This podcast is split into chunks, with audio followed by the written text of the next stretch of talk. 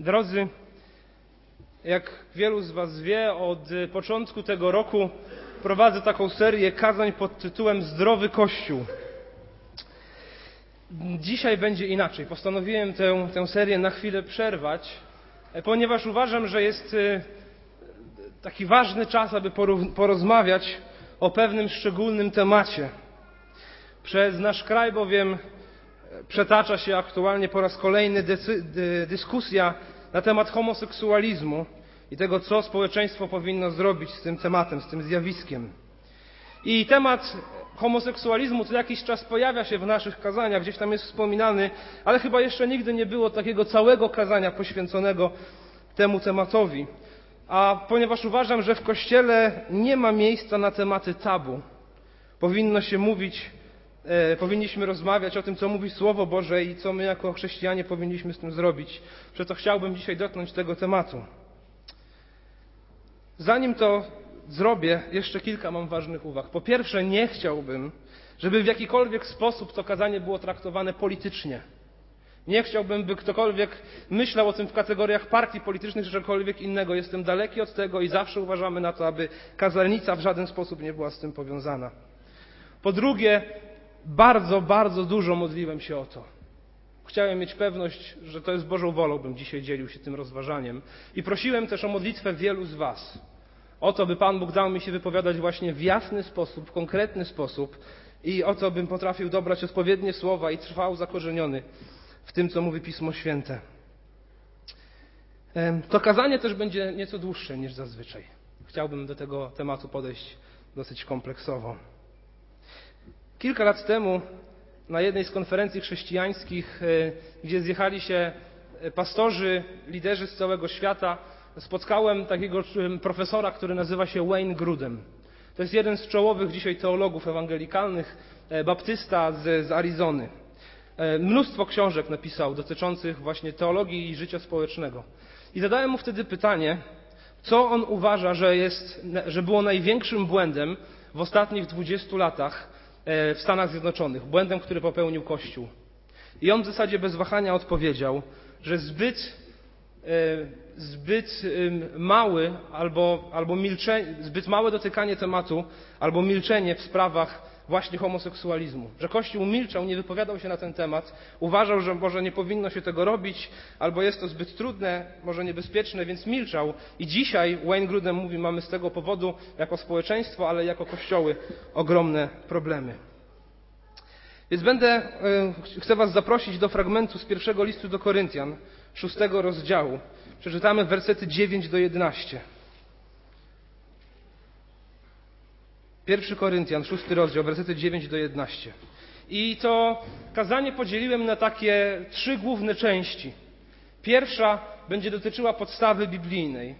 Druga będzie dotyczyła ruchu czy lobby LGBT homoseksualnego jako całości. Trzecia będzie dotyczyła pojedynczego człowieka, który zmaga się z homoseksualizmem. I bardzo Was proszę o to, abyście nie zatrzymali się tylko na jednej z tych części, ale byście wysłuchali całości. Byście nie zatrzymali się tylko na pierwszej lub na drugiej części, ale byście wysłuchali całości. Jest to dla mnie bardzo ważne. Pierwszy list do Koryntian, szósty rozdział, wersety 9 do 11. Będę czytał z tłumaczenia Nowego Przymierza, ponieważ uważam, że ten fragment jest tutaj najlepiej oddany z wszystkich polskich tłumaczeń. Apostoł Paweł pisze, albo czy nie wiecie, że niesprawiedliwi nie odziedziczą Królestwa Bożego? Nie łudźcie się. Ludzie dopuszczający się nierządu, bałwochwalcy, cudzołożnicy, mężczyźni współżyjący między sobą i ci, którzy im się oddają, złodzieje, chciwcy, pijacy, oszczercy i zdziercy nie odziedziczą Królestwa Bożego. A takimi właśnie niektórzy z was byli. Obmyliście się jednak, doznaliście uświęcenia i dostąpiliście usprawiedliwienia w imieniu Pana Jezusa Chrystusa i w duchu naszego Boga. Czytamy, czy nie wiecie, że niesprawiedliwi nie odziedziczą Królestwa Bożego. Niesprawiedliwi to ci, których charakteryzuje postępowanie niezgodne z Bożym planem czy z Bożym zamiarem. Niesprawiedliwi to ci, którzy żyją w swoich przewinieniach. To ci, którzy żyją w swoich grzechach i ich grzechy nie są im przebaczone. bo ci, którzy są zbawieni, nazwani są sprawiedliwymi. Czytamy, niesprawiedliwi nie odziedziczą Królestwa Bożego. I Królestwo Boże, rozmawialiśmy o tym niedawno również e, tutaj na kazaniu, Królestwo Boże w tym aspekcie odnosi się, czy jest synonimem wieczności spędzonej z Bogiem. Myślę, że to chodzi o to, o to Królestwo Boże, które w pełni będzie już panowało w wieczności, gdzie ludzie wierzący będą ze swoim Panem. Jednak nie znajdą się tam ci, którzy określeni są jako niesprawiedliwi.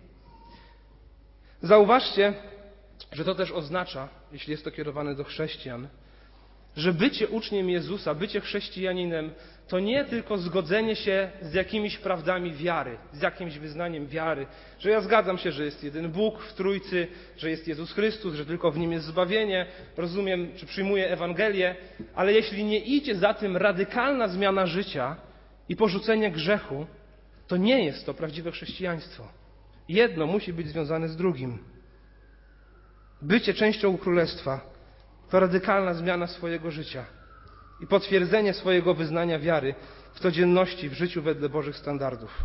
I wersety dziewiąty oraz dziesiąty mamy opis, znaczy mamy wymienionych dziesięć grzechów, których dopuszczają się niesprawiedliwi, a których wcześniej dopuszczali się zborownicy w Koryncie.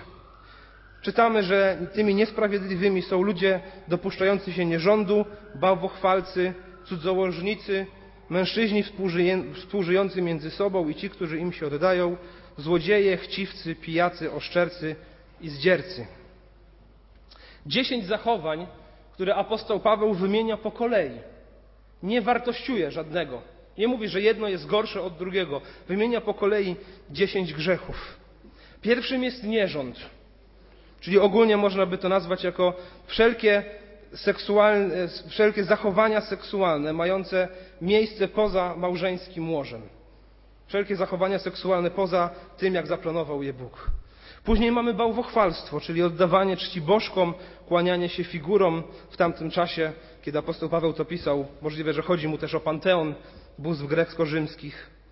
Mamy zapisanych cudzołożników, czyli dopuszczających się kontaktów seksualnych poza małżeństwem, zdradzających swoich małżonków. Mamy mężczyzn współżyjących między sobą, czyli praktykowany homoseksualizm, i to tłumaczenie mówi ci, którzy im się oddają.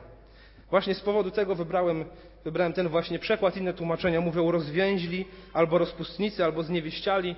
I różnica w tłumaczeniu wynika z tego, że trudno jest przetłumaczyć to słowo, które tam występuje. A chodzi po prostu o coś, co można by nazwać męską prostytucją, czyli osoby, które po prostu oddawały się innym mężczyznom, aby ci mogli na nich rozładować napięcie seksualne. Później mamy złodziei, to zrozumiałe, chciwców, czyli tych, dla których Bogiem jest pieniądz, którzy chcą się stale bogacić.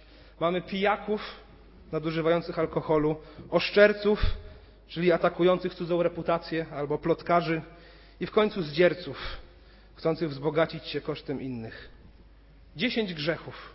Te dwa E, związane z mężczyźni współżyjący między sobą, ci, którzy mi się oddają, możemy złożyć w jedno, nazwać to praktykowaniem homoseksualizmu. W Bożych oczach każdy ten grzech oddziela człowieka od Boga. Każdy ten grzech oddziela człowieka od Boga. Nie ma znaczenia, czy to niewinne kłamstewko, czy to rozpusta seksualna. Tak samo każdy z tych grzechów zasługuje na wieczne oddzielenie od Boga i wieczne potępienie. I tak samo z każdego z tego grzechu człowiek może zostać uratowany przez Jezusa Chrystusa. I wszystkie te grzechy, prawie które mamy na tej liście, dzisiaj są piętnowane w społeczeństwie. Prawda? Społecze... Nie, nie, pochwala się społecznie złodziejstwa, plotkarstwa, zdzierstwa i tak dalej, i tak dalej, i tak dalej. Jeden jest tylko tutaj grzech, który różni się od wszystkich pozostałych. Tym grzechem dzisiaj właśnie jest praktykowanie homoseksualizmu. Wszystkie inne są społecznie potępiane. Ten jeden jest afirmowany, jest promowany, jest celebrowany i z coraz większą dumą opowiada się o tym grzechu. Narzuca się nie tylko akceptację praktykowania homoseksualizmu, ale również jego afirmację, pochwałę oraz karanie tych, którzy wypowiadają się na ten temat negatywnie. I choć miliony albo i miliardy cierpią z powodu każdego z tych grzechów znajdujących się na tej liście, które, z tych grzechów, które wymienia apostoł Paweł, to tylko ten jeden jest wypychany dzisiaj na światło dzienne jako radosny i wspaniały. Gdyby tak było ze złodziejstwem, mówiłbym dzisiaj o złodziejstwie. Gdyby tak było z plotkarstwem, mówiłbym dzisiaj o plotkarstwie. Ale tak jest dzisiaj z praktykowaniem homoseksualizmu. I chcę tutaj poczynić istotną uwagę, o której już mówiłem wcześniej. Chciałbym rozdzielić system, czy ruch, czy lobby homoseksualne od pojedynczego człowieka zmagającego się z homoseksualizmem. To bardzo ważne. Najpierw będę mówił o tym pierwszym, o ruchu jako całości, a potem o tym pojedynczym człowieku. I tak jak powiedziałem we wstępie, pastorzy, teolodzy ewangelikalnie wierzący uważają na Zachodzie, że zbyt długo milczeli na ten temat i nie poruszali tego tematu. Dzisiaj społeczeństwo, kościoły mają ogromne problemy z powodu tego milczenia, przez co uważam, że powinniśmy uczyć się na cudzych błędach, aby tych błędów nie popełniać. Biblijna podstawa. Od samego początku Biblii, przez cały Stary i Nowy Testament, czytając kolejne wersety, nie ma najmniejszych wątpliwości, że praktykowanie homoseksualizmu jest grzechem. Że Bóg zaplanował, by stosunek seksualny był praktykowany jedynie pomiędzy małżonkami, między kobietą i mężczyzną, którzy zostali sobie poślubieni. I jego celem, oprócz wzbudzenia potomstwa, jeśli jest to możliwe, bo wiemy, że bywają dzisiaj różnego rodzaju problemy z płodnością, to jego celem jest budowanie i wzmacnianie relacji pomiędzy małżonkami, wyrażenie miłości mężowi, żonie. Tym samym wierzę również, że jest to uwielbienie Boga, że Pan Bóg jest uwielbiony w tym, kiedy dwoje małżonków żyje ze sobą w miłości. Co do tego, że wszelkie inne kontakty seksualne przez Pismo Święte są potępiane, nie ma najmniejszych wątpliwości.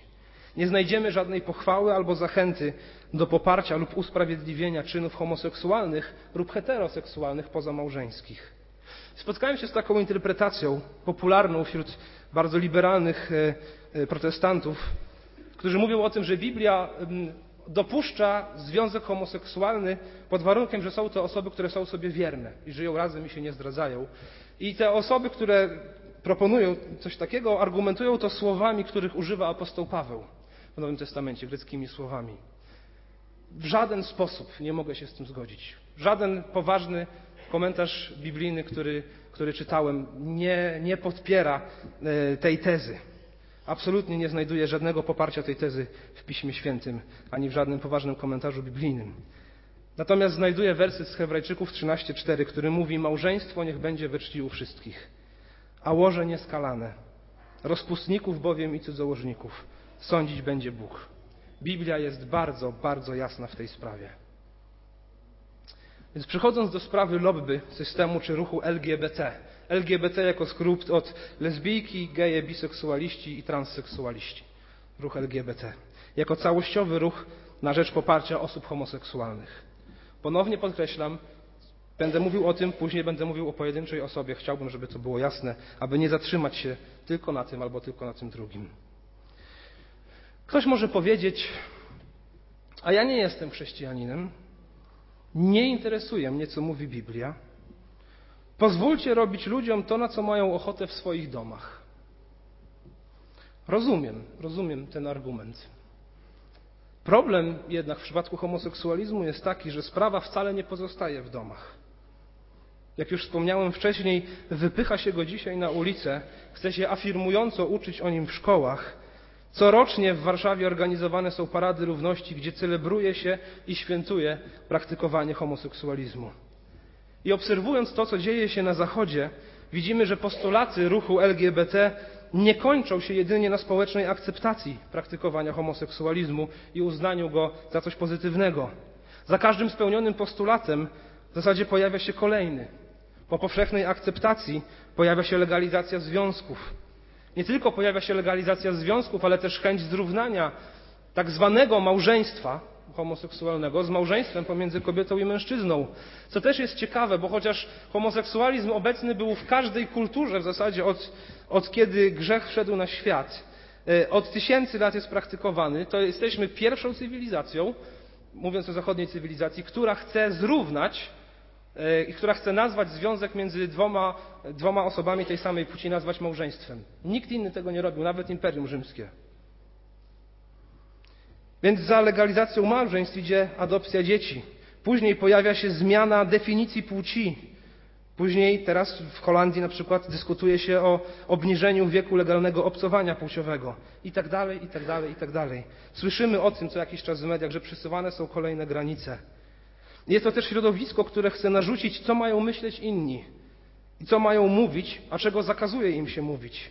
Środowisko, które chce, aby wolność sumienia i wyznania oraz wolność słowa nie miały miejsca, jeśli wypowiadane są przeciwko ich postulatom.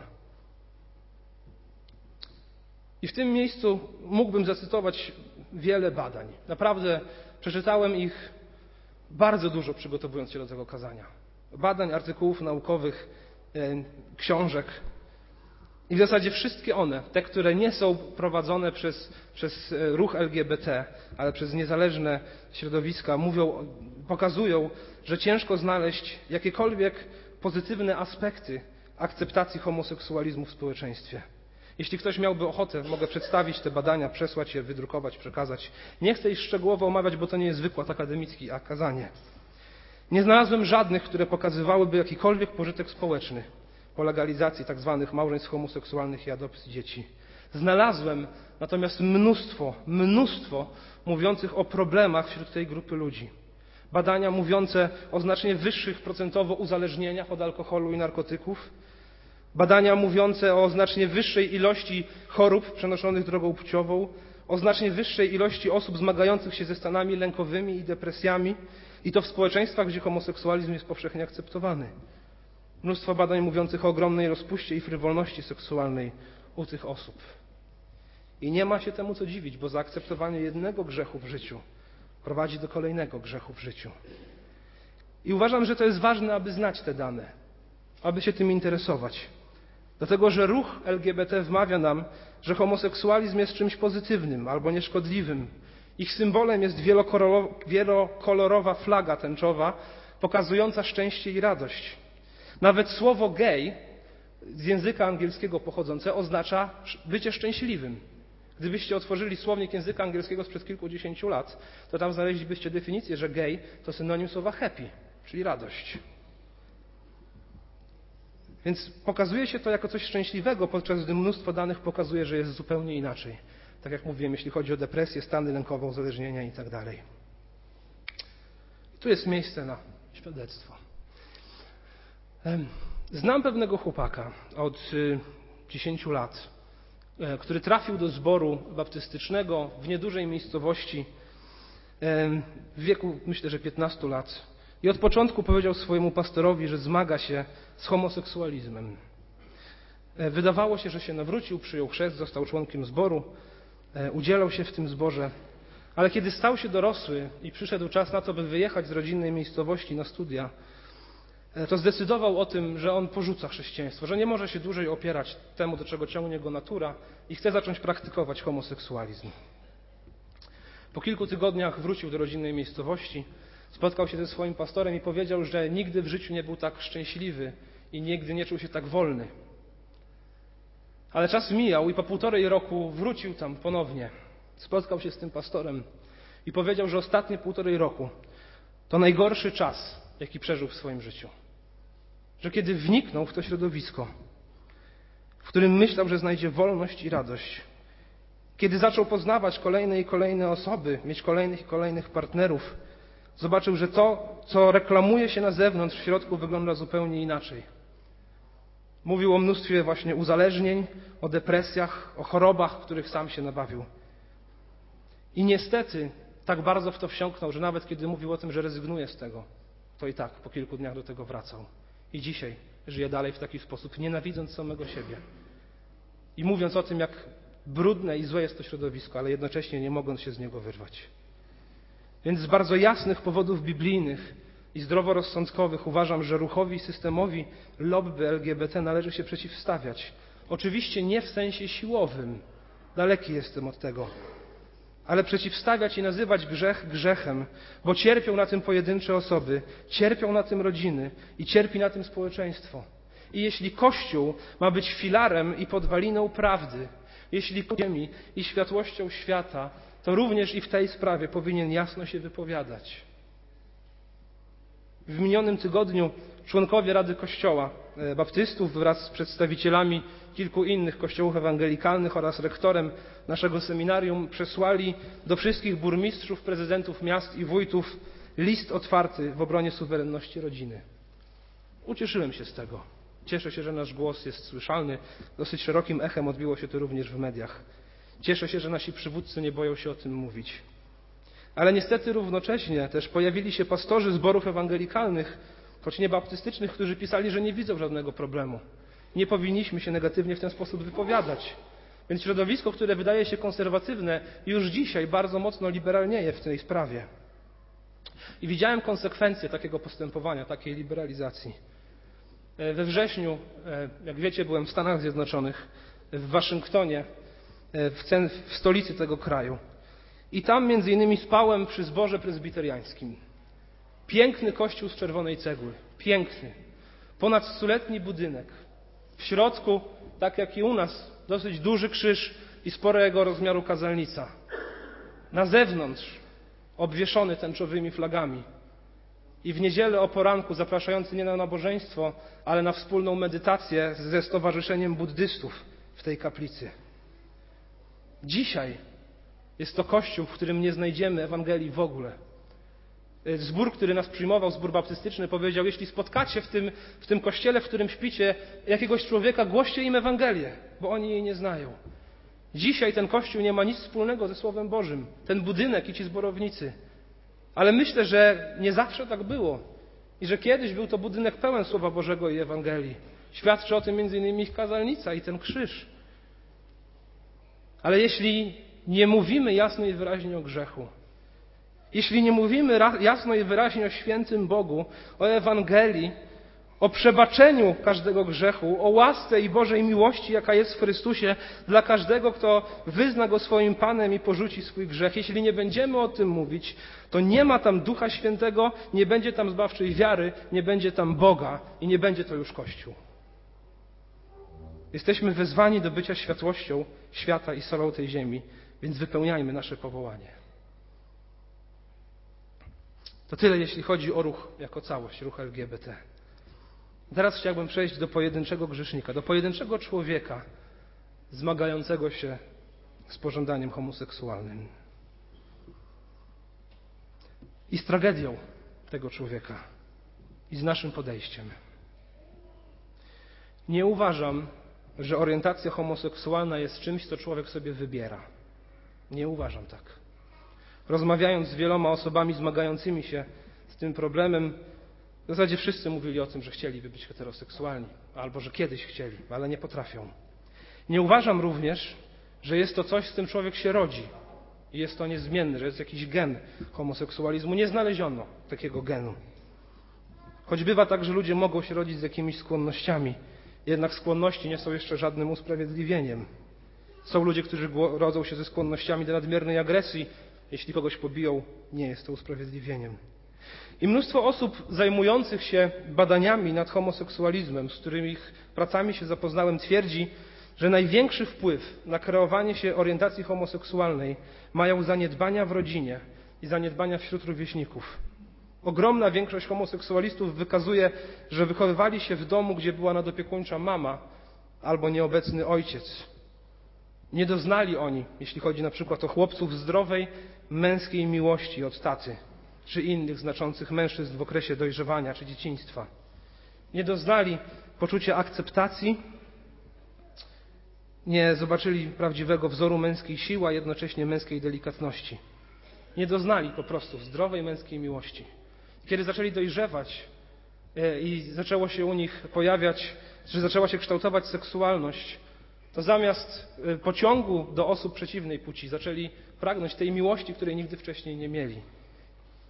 I to jest, tak jak czytałem, wielu mówi, że to jest główny powód orientacji homoseksualnej, zaniedbania w okresie dzieciństwa i dojrzewania przez rodziców, przez, przez środowisko, w którym to dziecko się wychowywało. I każdy z nas rodzi się z jakimiś obciążeniami. Rodzimy się z grzeszną naturą. Od małego ciągnie nas do złego. Moja natura również jest zepsuta. Nawet jako człowiek wierzący i zbawiony, mający pewność swego zbawienia, wiedzący, że jestem dzieckiem Bożym, wiem, że we mnie cały czas jest grzech, który dobija się i, i czasami wychodzi na zewnątrz. I stoję przed wyborem. Mogę albo dogadać swojej grzesznej naturze, albo mogę chcieć z nią walczyć. I przed tym wyborem stoi każdy człowiek. I chcę też zaznaczyć, że uważam, że sama orientacja seksualna nie jest jeszcze grzechem, jest pokusą. Jako heteroseksualista stoję przed wyborem. Mogę swojej seksualności użyć do grzechu, mogę swojej seksualności użyć w sposób taki, który podoba się Bogu. Przed tym samym wyborem stoi homoseksualista, chcąc używać jej do grzechu, albo chcieć żyć w czystości, albo zmieniać tę orientację, jeśli jest to możliwe. Jak postępować z takim człowiekiem? Po pierwsze, na pewno pomaga zrozumienie problemu, tego skąd bierze się ta orientacja. Kiedy to zrozumiałem, że jest to wymieszanie grzesznej natury człowieka z zaniedbaniami, jakie go spotkały, to zacząłem inaczej patrzeć na pojedyncze osoby i współczuć im, współczuć im i szczerze żałować. I kiedy widzę dzisiaj pojedynczego geja czy lesbijkę, to mam świadomość, że prawdopodobnie nie doznali oni tego, czego powinni doznać jako dzieci, by móc szczęśliwie się rozwijać. I to jest straszna tragedia. Straszna tragedia tych osób. Jest mi ich po prostu żal i chciałbym móc im pomóc. Na pewno jest też tak, że są ludzie, którzy żyją w grzechu i są z tego dumni. Są zupełnie zamknięci na wszelkie rozmowy. Są wrogo nastawieni do tych, którzy myślą inaczej. I myślę, że niewiele wtedy da się zrobić. Że ten człowiek często jest, tak jak powiedziałem, dumny ze swojego grzechu. Z pewnością nie należy być nigdy, jak uważam, agresywnym, ani wykazywać swojej pogardy. Ale są tacy ludzie, którzy mają czasami dosyć swojego grzechu. Gryzie ich sumienie. Zaczynają się sami siebie wstydzić tego, kim są i tego, co robią. I widzą, jak grzech ich wyniszcza. I w tym wszystkim są bardzo samotni bo środowisko, w którym przebywali, nie mogą tam o tym powiedzieć, bo zostaną całkowicie odtrąceni. A przeciwne środowisko bardzo często wykazuje się nienawiścią i agresją do nich. Więc w tej samotności siedzą i nie wiedzą, co ze sobą zrobić. Stąd też myślę, że między innymi tak wysoki odczynnik samobójstw pośród homoseksualistów. Ale jeśli do takiego człowieka dotrzemy, który zdaje sobie sprawę ze swojego grzechu, który zdaje sobie sprawę z tego, że potrzebuje pomocy, jeśli wyjdziemy do Niego i wyciągniemy pomocną dłoń, dotrzemy do Niego z przesłaniem Ewangelii, opowiemy Mu o Jezusie, który zbawia od grzechu, każdego grzechu, wskażemy drogę, o jakiej mówi Pismo Święte, znajdziemy być może ludzi, którzy są mądrzejsi od nas i wiedzą, jak sobie z tym problemem poradzić. To jest to szansa, że oto spotkaliśmy naszego brata i naszą siostrę w Chrystusie. Aby to lepiej jeszcze ukazać, chcę użyć pewnego porównania. E, niedoskonałego, zdaję sobie z tego sprawę, ale porównania. Znacznie bardziej bliższy jest nam obraz alkoholika dzisiaj, prawda? Alkoholizm widzimy od wielu, wielu lat bardzo powszechnie w społeczeństwie. Jest mnóstwo młodych ludzi, którzy są uzależnieni od alkoholu i dobrze im z tym. Oczywiście mówią, że nie mają problemu, mają swoich kumpli, z którymi lubią pić. Ludzie się ich boją, oni są dumni z tego, że inni się ich boją. Więc nachodzi refleksja i smutek, e, więc nie nachodzi ich póki co refleksja i smutek. Ale kiedy taki człowiek długo jest w tym swoim nałogu, to rozmawiałem z wieloma alkoholikami. Kiedyś mieszkaliśmy w Koszalinie razem z grupą, wychodziliśmy na ewangelizację na dworzec centralny. Kiedy taki człowiek długo jest w swoim grzechu i zdaje sobie sprawę z tego, jak bardzo jest pogrążony w tym złu, którego otacza, kiedy zacznie się z nim szczerze rozmawiać, to on płacze prawie natychmiastowo i bardzo, bardzo potrzebuje pomocy. Nie gardzę takim człowiekiem, jestem bardzo daleki od gardzenia takim człowiekiem, chcę mu pomóc i jest mi go żal. Chcę dotrzeć do niego z Ewangelią i pomóc mu znaleźć, y, i, i chcę znaleźć mu pomoc, y, terapię dla jego choroby alkoholowej. Myślę, że podobnie jest z pojedynczym homoseksualistą. Więc nie mówię o kimś, kto epatuje swoim grzechem i jest z niego dumny, ale o kimś, kto jest gotowy przyjąć pomoc. Być może przez wiele lat żył w swoim grzechu, ale teraz ma tego dość i szuka pomocy. I czuje się brudny i zmęczony swoim grzechem. To tutaj jedynym ratunkiem dla niego jest Ewangelia. I to może być serce gotowe na jej przyjęcie. I jeśli kiedykolwiek będzie nas cechowała nienawiść do drugiego człowieka, a nie szczera miłość, to jesteśmy tak samo pogrążeni w grzechu jak wszyscy inni. Nienawiść nie chce, by ludzie byli zbawieni. Nienawiść pogardza człowiekiem. Nienawiść rujnuje tego, który się kieruje tą nienawiścią, a utwierdza w stanowisku tego, przeciwko któremu jest skierowana. Ale troska, miłość chrześcijańska i pragnienie zbawienia każdego człowieka, nawet tego najbardziej złego i rozbitego, to zmienia świat od tysięcy lat, od kiedy Pan Bóg powołał człowieka do relacji z nim. David Wilkerson, pastor znany z tego, że w latach 60. XX wieku prowadził ewangelizacyjne działania wśród gangów Nowego Jorku. Zawsze jako kaznodzieja przestrzegał Kościół, że musi on się jasno wypowiadać w tych sprawach, ale jednocześnie prowadził specjalny ośrodek dla osób, które chciały podjąć się terapii dla homoseksualistów. Dawał im jeść, dawał im spać, zapewniał im odpowiednią pomoc i zapraszał na terapię. Wracając do naszego tekstu biblijnego. Werset 11 mówi: A takimi właśnie niektórzy z Was byli. Obmyliście się jednak, doznaliście uświęcenia i dostąpiliście usprawiedliwienia w imieniu Pana Jezusa Chrystusa i w duchu naszego Boga. Jakże pocieszający jest ten werset. I jakże radosny jest ten werset. Takimi z Was niektórzy byli.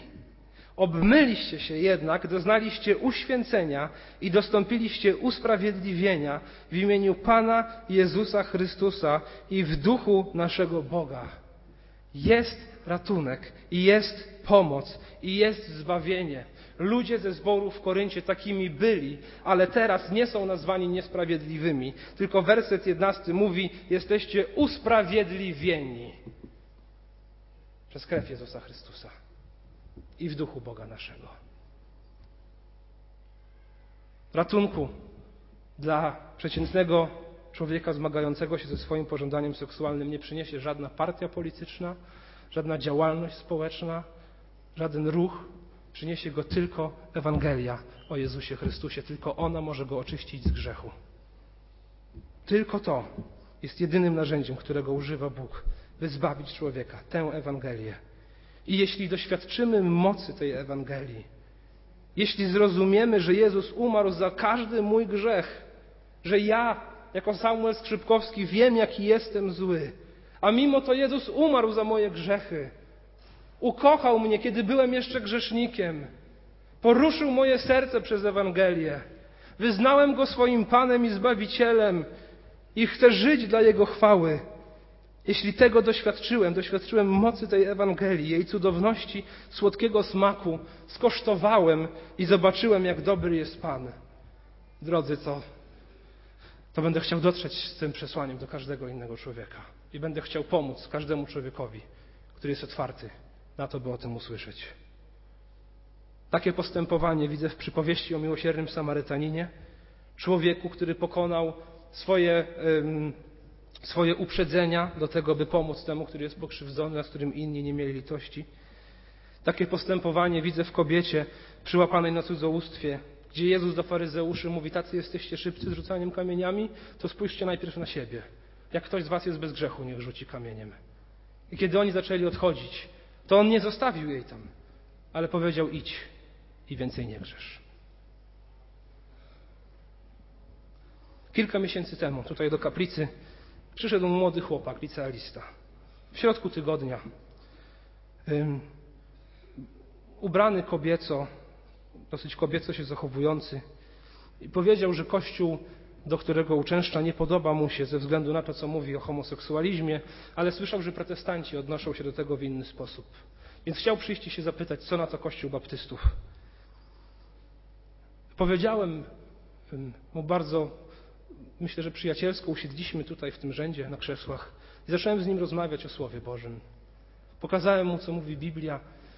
Zacząłem mówić o grzechu i o Bożej łasce i o Bożej miłości i o tym, że jesteśmy zborem, który grzech nazywa grzechem, ale że jest ratunek w Jezusie Chrystusie. Byłem bardzo łagodny, chciałem go wysłuchać tego, co ma do powiedzenia. Niestety po 20 minutach rozmowy odszedł rozczarowany. Odszedł rozczarowany. Nie znalazł kościoła, który będzie milczał na temat grzechu, ale ym, jeśli kiedyś znajdą go myśli, że może faktycznie on żyje w grzechu, jeśli faktycznie coś jest nie tak, jeśli zacznie szukać pomocy, to mam nadzieję, że przyjdzie najpierw do tego zboru i że będę mógł po raz kolejny powiedzieć mu o Jezusie Chrystusie i o zbawieniu. Postarałem się go przyjąć tak dobrze, jak przyjąłbym każdego innego człowieka. Chcę też powiedzieć, nie myślcie sobie, drodzy, że homoseksualizm jest tragedią, która rozgrywa się jedynie w tak zwanym świecie. Jeżdżę po konferencjach młodzieżowych i po obozach. Nawet nie wiecie, ile młodzieży wychowującej się w chrześcijańskich rodzinach zmaga się dzisiaj z pożądaniem homoseksualnym. Wiedzą, że to jest złe. Nie chcą tego. Chłopcy chcą móc zakochać się w dziewczynie. Dziewczyny chcą móc zakochać się w chłopakach, ale nie potrafią. Modlą się, by to zniknęło, ale nie znika. Chcą pomocy, ale boją się o tym powiedzieć we własnym zborze, bo słyszą, jak rozmawia się o tych sprawach w domu i w zborze, jakich słów się używa. Więc dopiero kiedy ten grzech ich tak dobija, że nie potrafią już sobie z nim poradzić, może niektórzy zaczęli go wprowadzać w życie i czują obrzydzenie do samych siebie, jadą wtedy gdzieś na konferencję czy na obóz, znajdują pastora, który nie zna ich rodziny, nie zna ich zboru i wtedy dopiero się otwierają i szukają pomocy.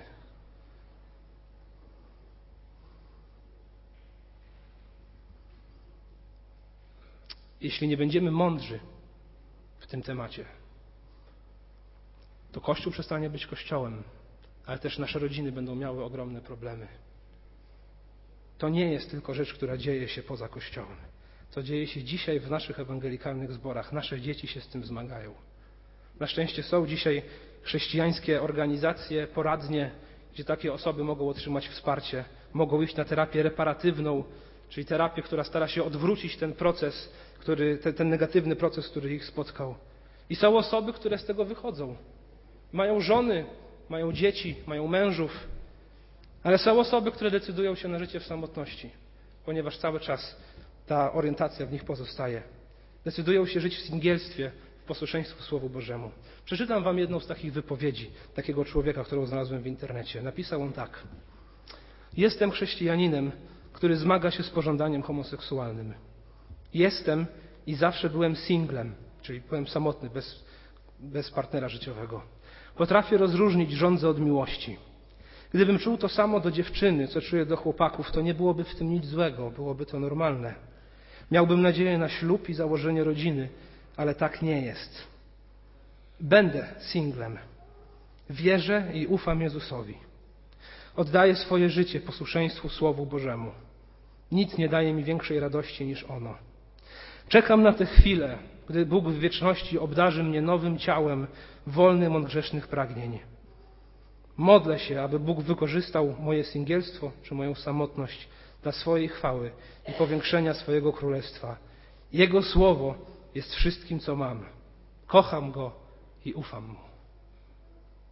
Kiedy czytam takie słowa, łzy napływają mi do oczu. Bo to człowiek, który chociaż chce, nie potrafi. Nie potrafi zmienić swojego myślenia czy swoich pragnień. Ale tak bardzo kocha Chrystusa i tak bardzo kocha Jego Słowo, że mówi: Jestem gotowy porzucić wszystko, by być z moim Panem.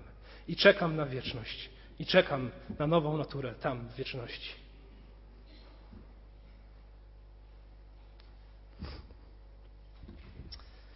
Przechodząc do końca i do wniosków. Nie chcę być częścią rozwścieczonego tłumu, który rzuca kamieniami w grzeszników, bo znam swoje grzechy. Chcę być tym, który będzie jasno i klarownie wypowiadał się na temat grzechu, który nie zgadza się na jego promowanie, akceptowanie, afirmowanie i pozytywne wypowiadanie się o nim.